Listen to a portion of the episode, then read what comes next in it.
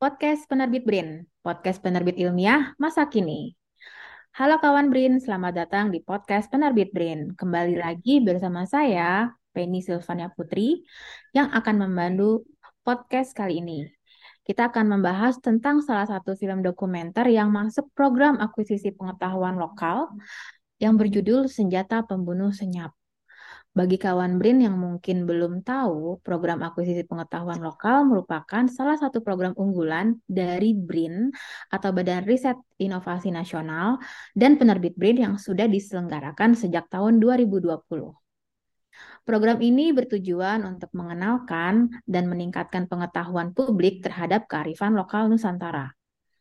Adapun jenis karya yang diterbitkan dalam program ini adalah karya buku dan audiovisual, dan tentu saja tidak sendirian. Kali ini saya sudah ditemani oleh uh, kreator pembuat karya dokumenter, uh, seorang sutradara uh, film dokumenter Senjata Pembunuh Senyap, Mas Yuristianto Dewangga.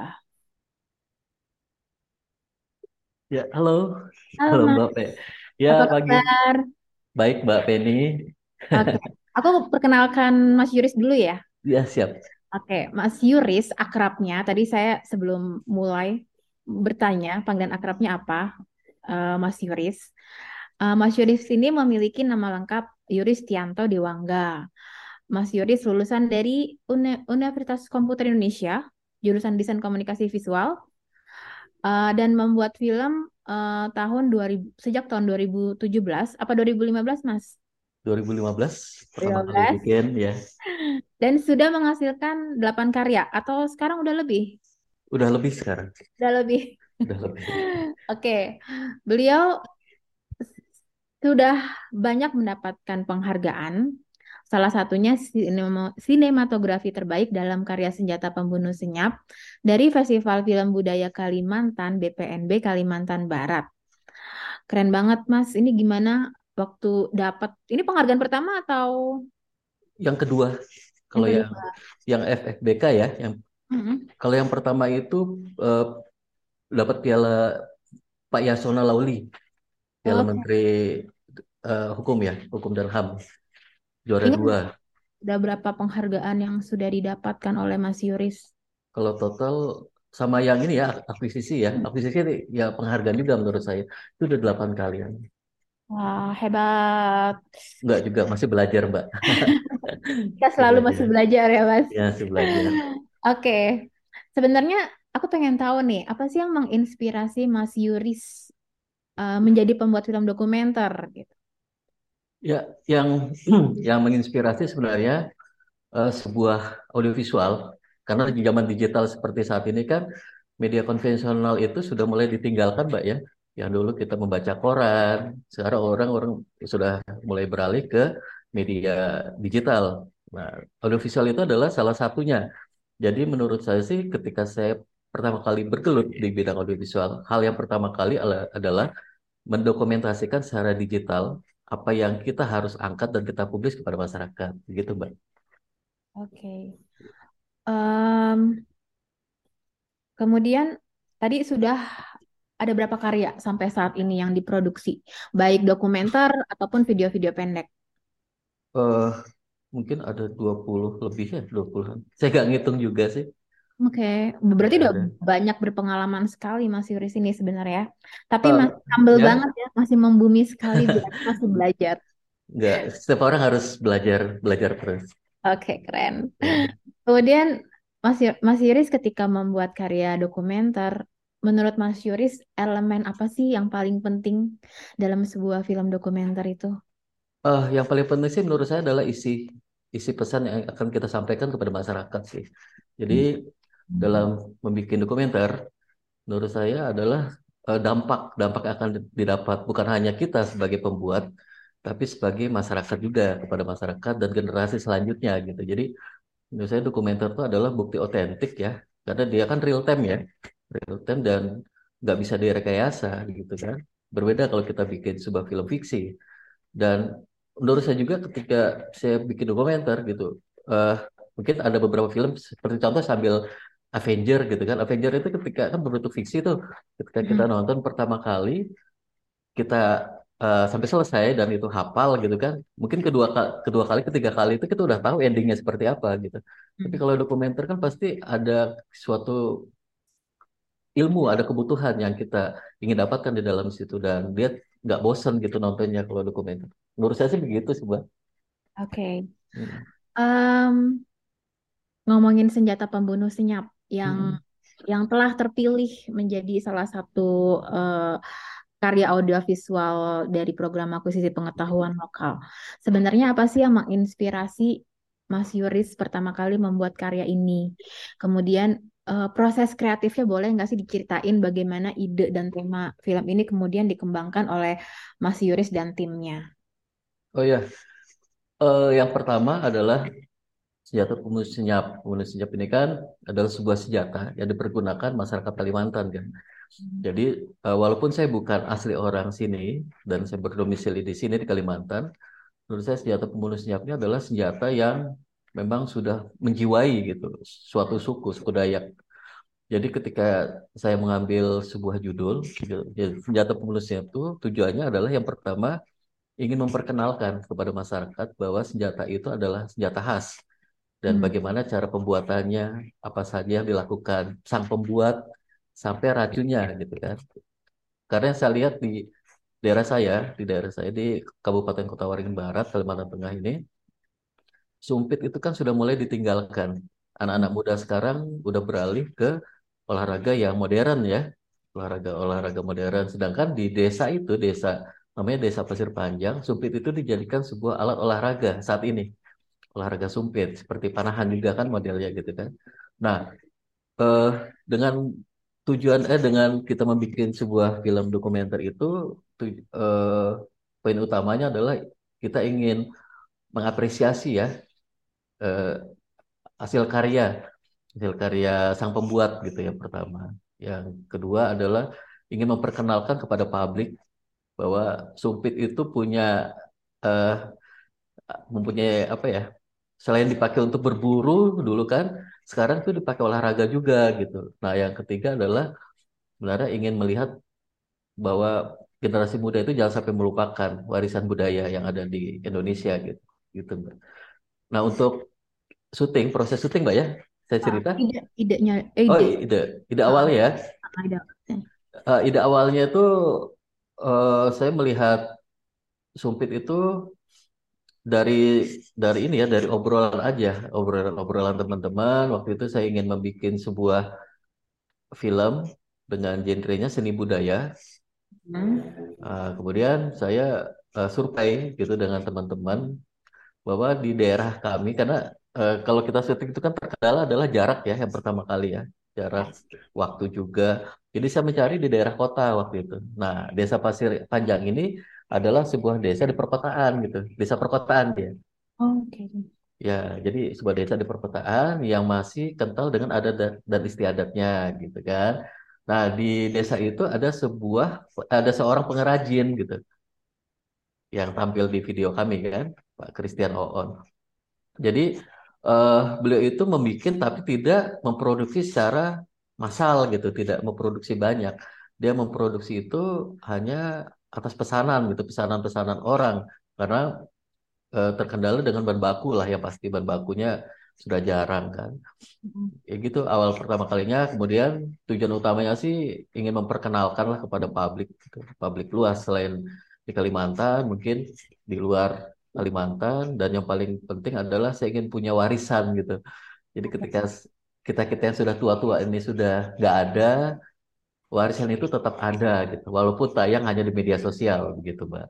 Oke. Ya, Tadi kan Mas Yuris bilang kalau sekarang tuh sumpit itu eh, digunakan sebagai eh, salah satu olahraga ya di sana. ya olahraga. Tapi apakah masih digunakan juga untuk berburu? Eh, masih, Mbak, cuma kan tidak tidak semua orang. Hmm. Tidak semua orang mungkin ada beberapa orang atau sebagian orang yang masih menggunakan sumpit sebagai eh, berburu ya, sebagai alat untuk berburu. Tapi saya belum pernah lihat kalau yang di sini karena tinggal di kabupaten ya. Mungkin Hmm. daerah-daerah yang eh, yang masuk ke dalam, mungkin yang di daerah-daerah di pinggir itu masih menggunakan sumpit sebagai alat berburu ya, gitu. Oke. Berarti generasi muda di sana masih mengenal sumpit ya sebagai salah satu kearifan lokal mereka karena uh, bagaimanapun masih dipesongkan sebagai uh, jenis olahraga. Iya, jadi sekarang ini sumpit dijadikan sebagai salah satu olahraga tradisional hmm. yang biasanya dilakukan di desa, kelurahan, kecamatan sampai ke tingkat provinsi, Mbak. Jadi ada festival Isen Mulang namanya kalau di Palangkaraya. Hmm. Itu ada suatu kegiatan olahraga dinamakan sumpit gitu, menyumpit. Gitu. Jadi mereka menggunakan sumpit itu sebagai ajang olahraga. Ya siapa tahu kan dengan kita memproduksi, kemudian kita mempublis, sumpit ini bisa sampai skalanya nasional gitu kan. Tapi mungkin dengan dengan dimodif atau seperti apa modelnya gitu kan. Tuh. Oke, kalau waktu bikin video, uh, sorry, karya dokumenter ini, hmm. uh, Mas Yuri sudah kenal sama Pak Christian Oan ini? Belum, belum kenal. Nah, cara deketinnya karena kan sebenarnya salah satu uh, challenge tantangan seorang dokumentaris adalah uh, bagaimana uh, si kreator tersebut kemudian menjadi personal dengan uh, narasumbernya gitu. Ya, yang pertama kali sih uh, kita kan ngambil ide pokoknya dulu nih, hmm. judul, judulnya. Jadi kita tuh ada tiga judul yang sebenarnya mau kita bikin pada uh, waktu itu gitu kan. Jadi yang pertama itu adalah Gelang Beruta, hmm. kemudian yang kedua itu adalah Sumpit, yang ketiga itu namanya apa sih ngambil ikan gitu, saya lupa lagi namanya. Jadi ada tiga tiga ada tema besar, tiga tema besar yang mau kita angkat waktu itu di hmm. desa itu, di desa itu, di satu desa itu. Hmm. Jadi dengan uh, berjalan waktu kita mencari dulu ini sebagai narahubung kami gitu kan, narahubung kami untuk mencari yang memang orangnya bergelut langsung gitu di di tema besar yang mau kami angkat. Nah, hmm. jadi saya ketemu dengan salah seorang RT ya, namanya hmm. Pak Sugeng. Pak Sugeng itu yang mendukung sekali hmm. kita untuk mengangkat gitu kan akhirnya kami ketemu kepala desa kami minta izin dan dia menyarankan dan orang yang sama Pak Christian Oon akhirnya kami dipertemukan dengan Pak Christian Oon jadi rumahnya itu kan eh, hampir di tengah-tengah hutan gitu ya hutan-hutan hmm. hutan adat gitu hmm. jadi kita berinteraksi sama beliau itu di di dalam rumah itu kan jadi kita bercerita kita ingin mengangkat sumpit segala macam. Kemudian kami riset, kami melakukan pendampingan juga dengan dengan apa petugas desa gitu waktu itu kan. Jadi mereka juga ingin apa mendokumentasikan. Karena sebenarnya di di desanya juga belum ada gitu yang berupa audiovisual. Jadi kita saling sharing juga di situ, kemudian melakukan riset, itu sekitar 2 sampai tiga hari lah kita melakukan riset. Karena kan materinya uh, cuma di satu tempat kan. Hmm. dan bahan bakunya juga di dekat-dekat situ karena hutan kan berbentuk hutan. Akhirnya kita tentukan waktunya dan kita melakukan proses syuting waktu itu sama Pak Kristiano On hmm. gitu Mbak uh, berapa lama proses produksinya Mas Yuris dari dari ide tema sampai uh, pendekatan sama narasumber Pak Kristiano On kemudian syuting, editing berapa lama itu keseluruhannya? Kalau uh, keseluruhan itu sekitar satu bulan ya, hmm. karena kita pertama uh, mencari ide pokok dulu tuh, hmm. apa aja yang mau kita angkat. Kemudian yang kedua kita uh, mencari narhubung, narhubung, narhubung kan. Kemudian yang ketiganya kita riset gitu kan, baru syuting. Nah syutingnya sebentar sih, syutingnya hmm. cuma tiga hari, hmm. tiga hari kemudian editingnya sekitar seminggu gitu kan. Nah sebelum kita publikasi, kita tonton dulu tuh satu desa videonya. Okay. Ah, di kantor desa kami tontonkan dulu filmnya, takutnya ada kesalahan penyampaian atau nggak sesuai kan sama sama apa sama pihak desa sebenarnya. Setelah kami tonton dan mereka menyetujui bahwa untuk media publikasi. Nah, akhirnya video itu baru saya publis gitu, baru saya publis. Begitu Mbak ceritanya. Mungkin sekitar satu bulan ya sampai penayangan, penayangan di desa itu. Menarik karena uh, baru sekarang nih ternyata untuk memvalidasi konten Mas Yuris melakukan pemutaran perdana dulu ke orang-orang uh, desa tersebut ya. Jadi yeah. kayak udah benar belum nih gitu kan. Betul Mbak. Jadi setiap uh, video yang saya bikin ya karya-karya hmm? yang berhubungan secara langsung dengan masyarakat Hmm? itu biasanya kami tonton dulu sama pihak-pihak yang yang ada di dalam situ. Bisa sama pihak desa, pihak kecamatan atau kelurahan gitu. Biasanya kita bawa apa layar proyektor lah, layar proyektor, kemudian kita nonton di balai desa atau di mana. Setelah Hmm. itu jika ada yang nggak sesuai atau apa, nanti mereka ngasih masukan biasanya. Nah, ketika semuanya sudah sama-sama menyetujui, dari pihak sana sudah boleh kita publis, baru saya publis videonya Oke. gitu. Jadi nggak langsung dipublis, nggak langsung dipublis. Langsung dipublis ya. Ya. Em, kalau boleh tahu budgetnya berapa sih untuk eh, produksi senjata pembunuh senyap ini? Penasaran saya. Ya kan, kalau dalam memproduksi itu kan hal yang paling memberatkan itu adalah di modal, Mbak ya. Ya, Di tentu. modal. Jadi kalau saya kan memproduksi, karena kami kan bukan PH ya, bukan production house, jadi kami tidak mencari keuntungan sebenarnya. Dalam Ah, membuat sebuah konten itu tidak mencari keuntungan. Kita hmm, mendapat A plus pun sudah bahagia sekali gitu. Kita dapatkan tepuk tangan dari masyarakat, atau kita dapat komen, atau dapat like, itu udah sangat bahagia sekali. Nah, dalam memproduksi dokumenter ini sebenarnya banyak pakai uang pribadi ya, karena kebutuhannya sih hanya untuk makan, minum gitu kan.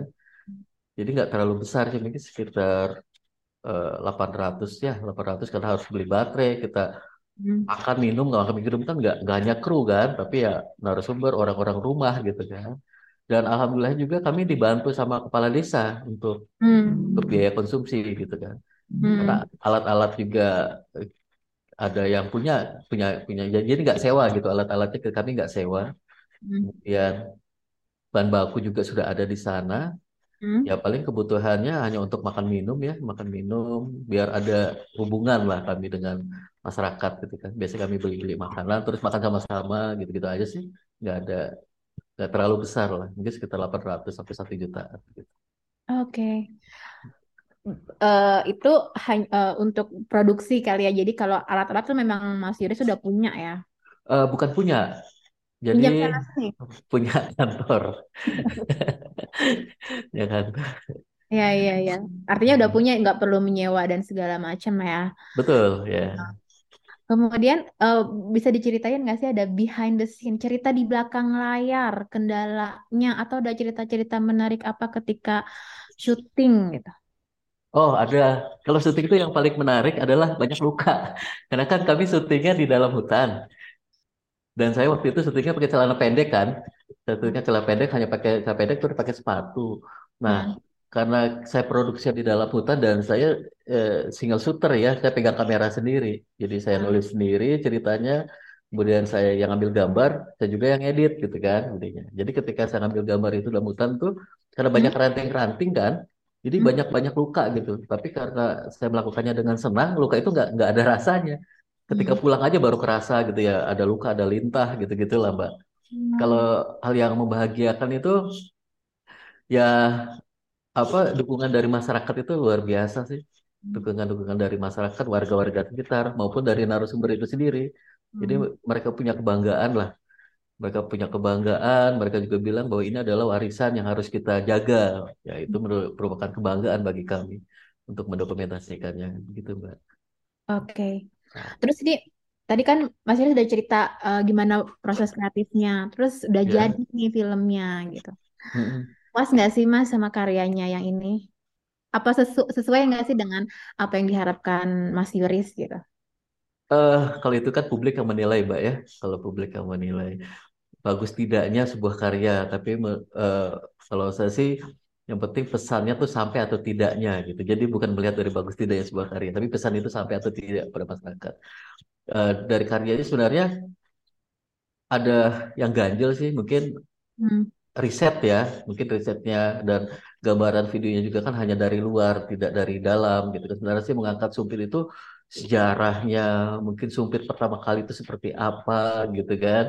Maunya seperti itu sih kalau bikin dokumenter itu ada pertama kali ini ada nggak peninggalan sumpit yang pertama kali itu dibikin di Kalimantan mana gitu. Atau besi yang dipakai itu apa gitu, racunnya apa gitu kan. Jadi ciri khas ciri khas yang paling otentik lah gitu karena karena sebuah media literasi kan bukan Hmm. hanya sebatas hiburan gitu kalau hiburan sih mungkin kita apik-apik aja udah bagus orang melihat, tapi isi pesan di dalam sebuah dokumenter itu. Nah, Sumpit ini sebenarnya ya itu Mbak karena dia kita kebentur sama waktu ya, sama waktu juga, terus uh, biaya juga, terus kami juga tidak ada pendampingan kan, karena kami semua belajar otodidak dalam membuat sebuah karya. Ya harapannya sih semoga bermanfaat aja bagi yang nonton gitu. Ada ada apa hasil positif yang mereka dapatkan begitu. Oke, Mas Yuris. Uh, tadi kan ngomongin salah satu dampaknya, tapi sebenarnya ada ada ada dampak lain nggak sih dari setelah Mas Yuris buat film ini? Apakah ada dampak misalnya kayak uh, semakin banyak orang yang ta pengen tahu tentang si sumpit ini? Oh ya, banyak. Hmm. Jadi setelah video ini publis ya, publis hmm. dari uh, festival pertama sampai program akuisisi gitu kan. Uh, dampak yang saya dapatkan itu adalah orang banyak tahu gitu. Oh, jadi gitu loh cara bikin sumpit gitu kan. Terus dari dinas-dinas yang berhubungan secara langsung sama kegiatan itu, mungkin hmm. ada dinas pariwisata, dinas pendidikan dan kebudayaan. Nah, mereka punya apa? Punya sebuah dokumen gitu kan, dokumen digital yang mereka bisa arsipkan gitu. Kemudian dari generasi pun ketika saya tontonkan di sekolah-sekolah itu mereka baru tahu gitu bahwa oh begini tuh cara bikin sumpit. Oh, ini loh racun-racunnya. Oh, hmm. gini loh apa cara menyumpitnya gitu. Jadi uh, setelah kita edarkan gitu ya, kita publiskan, tapi publisnya juga kan uh, yang kayak di sekolah gitu kan, kayak di uh, pertemuan gitu kami publikasikan secara offline, Mbak ya.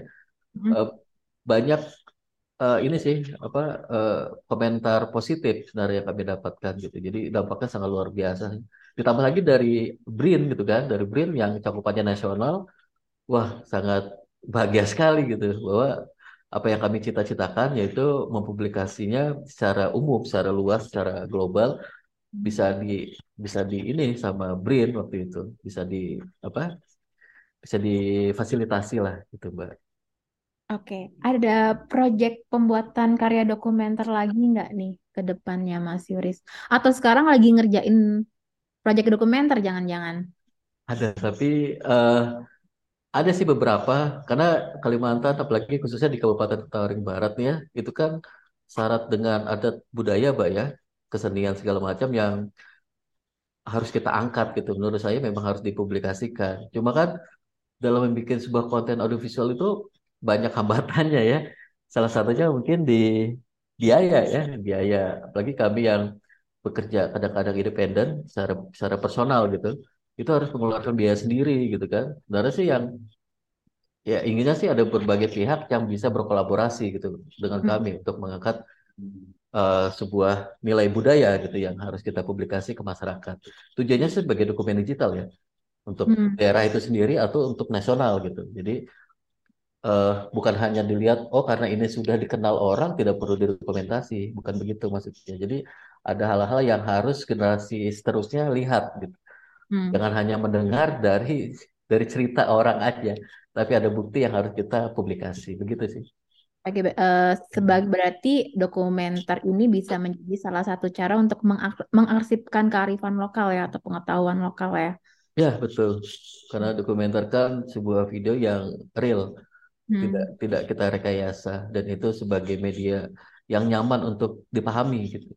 Ya. Karena dan tadi saya mendengarkan juga Mas Yuris uh, cerita bagaimana Mas Yuris ketika setelah membuat karya, Mas Yuris uh, mengirimkan ke festival, uh, juga mengirimkan ke program akuisisi pengetahuan lokal BRIN. Tapi ada lagi nggak sih bentuk uh, lain dari Mas Yuris dalam mempublikasikan dan mendistribusikan karya-karyanya ini?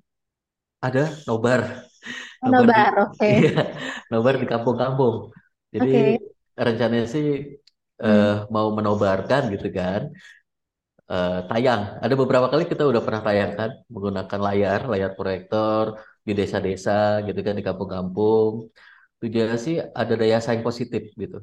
Jadi hmm. ketika kita membuat sebuah karya di satu desa misalkan hmm. dia uh, mengangkat tentang makanan gitu makanan-makanan yang otentik gitu kan makanan-makanan khas desa itu sendiri. Kemudian kita tontonkan di desa satunya Nah di hmm. desa satunya tuh mereka punya daya saing tuh. Kok mereka hmm. sana desa satu bisa, kok kita nggak bisa gitu kan? Akhirnya mereka mengangkat juga apa yang hmm. mereka bisa tampilkan, yang bisa kita lihatkan. Tujuan sih agar para wisatawan atau pengunjung tuh tahu apa yang harus mereka kunjungi gitu Mbak di suatu desa itu gitu. Karena kan di desa-desa itu kan akses internet tuh rada kurang ya, rada susah gitu.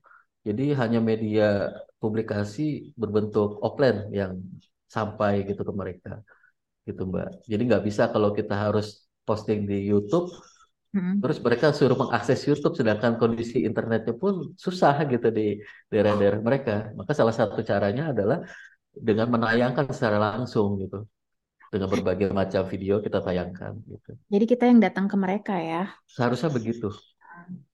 Seharusnya begitu. Karena yang saya hadapi sih di sini media publikasi ya, khususnya hmm. untuk masyarakat yang di desa-desa itu akses internetnya yang susah gitu.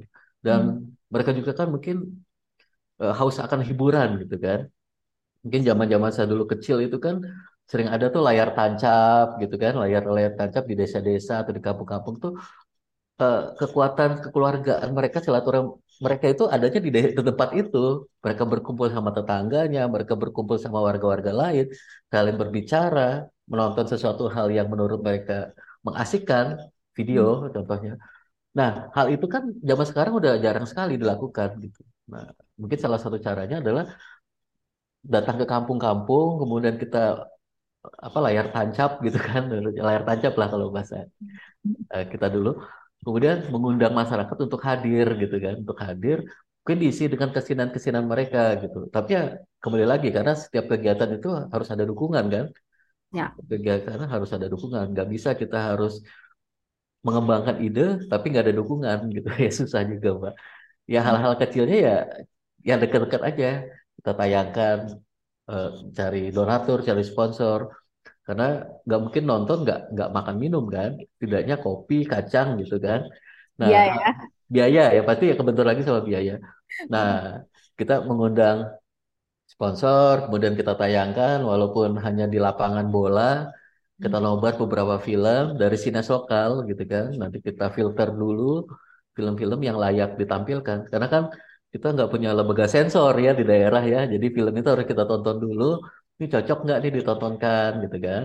Akhirnya hmm. setelah kita dapat beberapa film kita coba tayangkan di kampung dan antusias warga sangat luar biasa gitu. Cuma mau mengulang lagi ya kita harus mencari sponsor lagi. Karena gitu kan susah juga kan gitu mbak. Ya mungkin suatu saat nanti ada ada dukungan dari entah dari pemerintah daerah atau pemerintah pusat gitu ya yang bisa mensupport para sinas lokal. Mungkin bukan hanya saya, mungkin banyak ya di luar kita di luar Kalimantan yang mempunyai ide yang sama gitu untuk penyebaran informasinya lebih luas lagi ke desa-desa ke kampung-kampung gitu. Benar. Gitu ya mungkin uh, semoga itu menjadi salah satu dampak dari uh, karya-karya Mas Yuris yang sudah dibuat ya. ya ada akan ada investor-investor yang akan membiayai uh, dokumenternya Mas Yuris. Amin. Uh, pertanyaan terakhir nih Mas Yuris. Um, yeah. Mas Yuris kan telah mengikuti uh, program akuisisi pengetahuan lokal. Yeah. Iya. Uh, terakhir sih pengen tahu uh, waktu itu taunya gimana sih, terus uh, tertarik dengan kenapa tertarik dengan program ini dan kesannya gimana?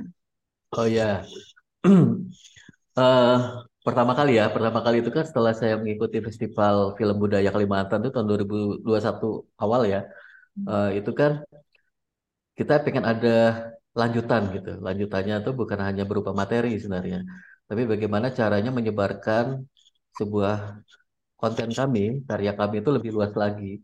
Karena kalau hanya tayangnya di YouTube kita kan paling hanya viewernya sok ini ya yang nonton kan dan tidak luas gitu kan. Hmm. Akhirnya saya karena saya sebuah apa mempunyai Instagram gitu kan, jadi saya sering scroll scroll cari-cari informasi. Hmm. Tapi eh, yang bisa berdampak gitu, berdampak kepada uh, sebuah konten, konten kami yang yang kami bikin gitu kan. Hmm. Nah akhirnya saya menemukan sebuah akun Instagram namanya penerbit print gitu. Uh, kemudian saya buka, di situ ada sebuah infografis yang saya cari itu adalah dampaknya. Dampaknya ternyata ketika saya baca-baca lebih lanjut, uh, luar biasa sekali gitu. Program ini menurut saya itu sebuah wadah ya, wadah hmm. sinias lokal untuk uh, menyimpan gitu, menyimpan, mempublikasikan juga, kemudian menyebarkan lagi kepada masyarakat luas itu eh, dengan jaminan gitu kan. Jaminannya itu aman gitu kan. Hidup kita aman juga mereka punya hak publik juga. Kemudian yang paling poinnya sih ya kita mendapatkan insentif yang bisa nutupin biaya-biaya sudah kami keluarkan gitu kan. Nah ketika saya mencoba itu nggak ada nggak ada nggak ada pikiran bahwa akan lolos gitu. Karena nasional kan? Karena nasional karena saya juga merasa bahwa saya bukan apa-apa dalam membuat sebuah konten. Cuma saya punya niat aja bahwa semua hal itu harus dipublikasikan. Karena saya sering melihat itu Indonesia itu tidak tahu sejarahnya kalau tidak Belanda yang mendokumentasikan gitu kan? Kita tidak tahu wajah-wajah pahlawan kita kalau tidak tidak Belanda waktu itu mendokumentasikan. Nah, kenapa hmm. orang luar negeri itu selalu mendokumentasikan setiap momen, sedangkan Indonesia itu kebanyakan selfie aja gitu kan? Kenapa nggak bikin ketika anaknya baru lahir, maka selalu mendokumentasikan. Nah, dari hal-hal itu saya berpikir bahwa memang sebuah karya audiovisual itu diperlukan pada zaman sekarang. Jadi jangan sampai hilang. Nah, hmm. ketika saya mencoba memasukkan itu di BRIN, eh, beberapa bulan kemudian saya dihubungin sama pihak BRIN hmm. untuk mengisi sebuah apa ya uh, kayak SOP ya apa uh, formulir sosialisasi ya kemudian ada nominalnya insentif.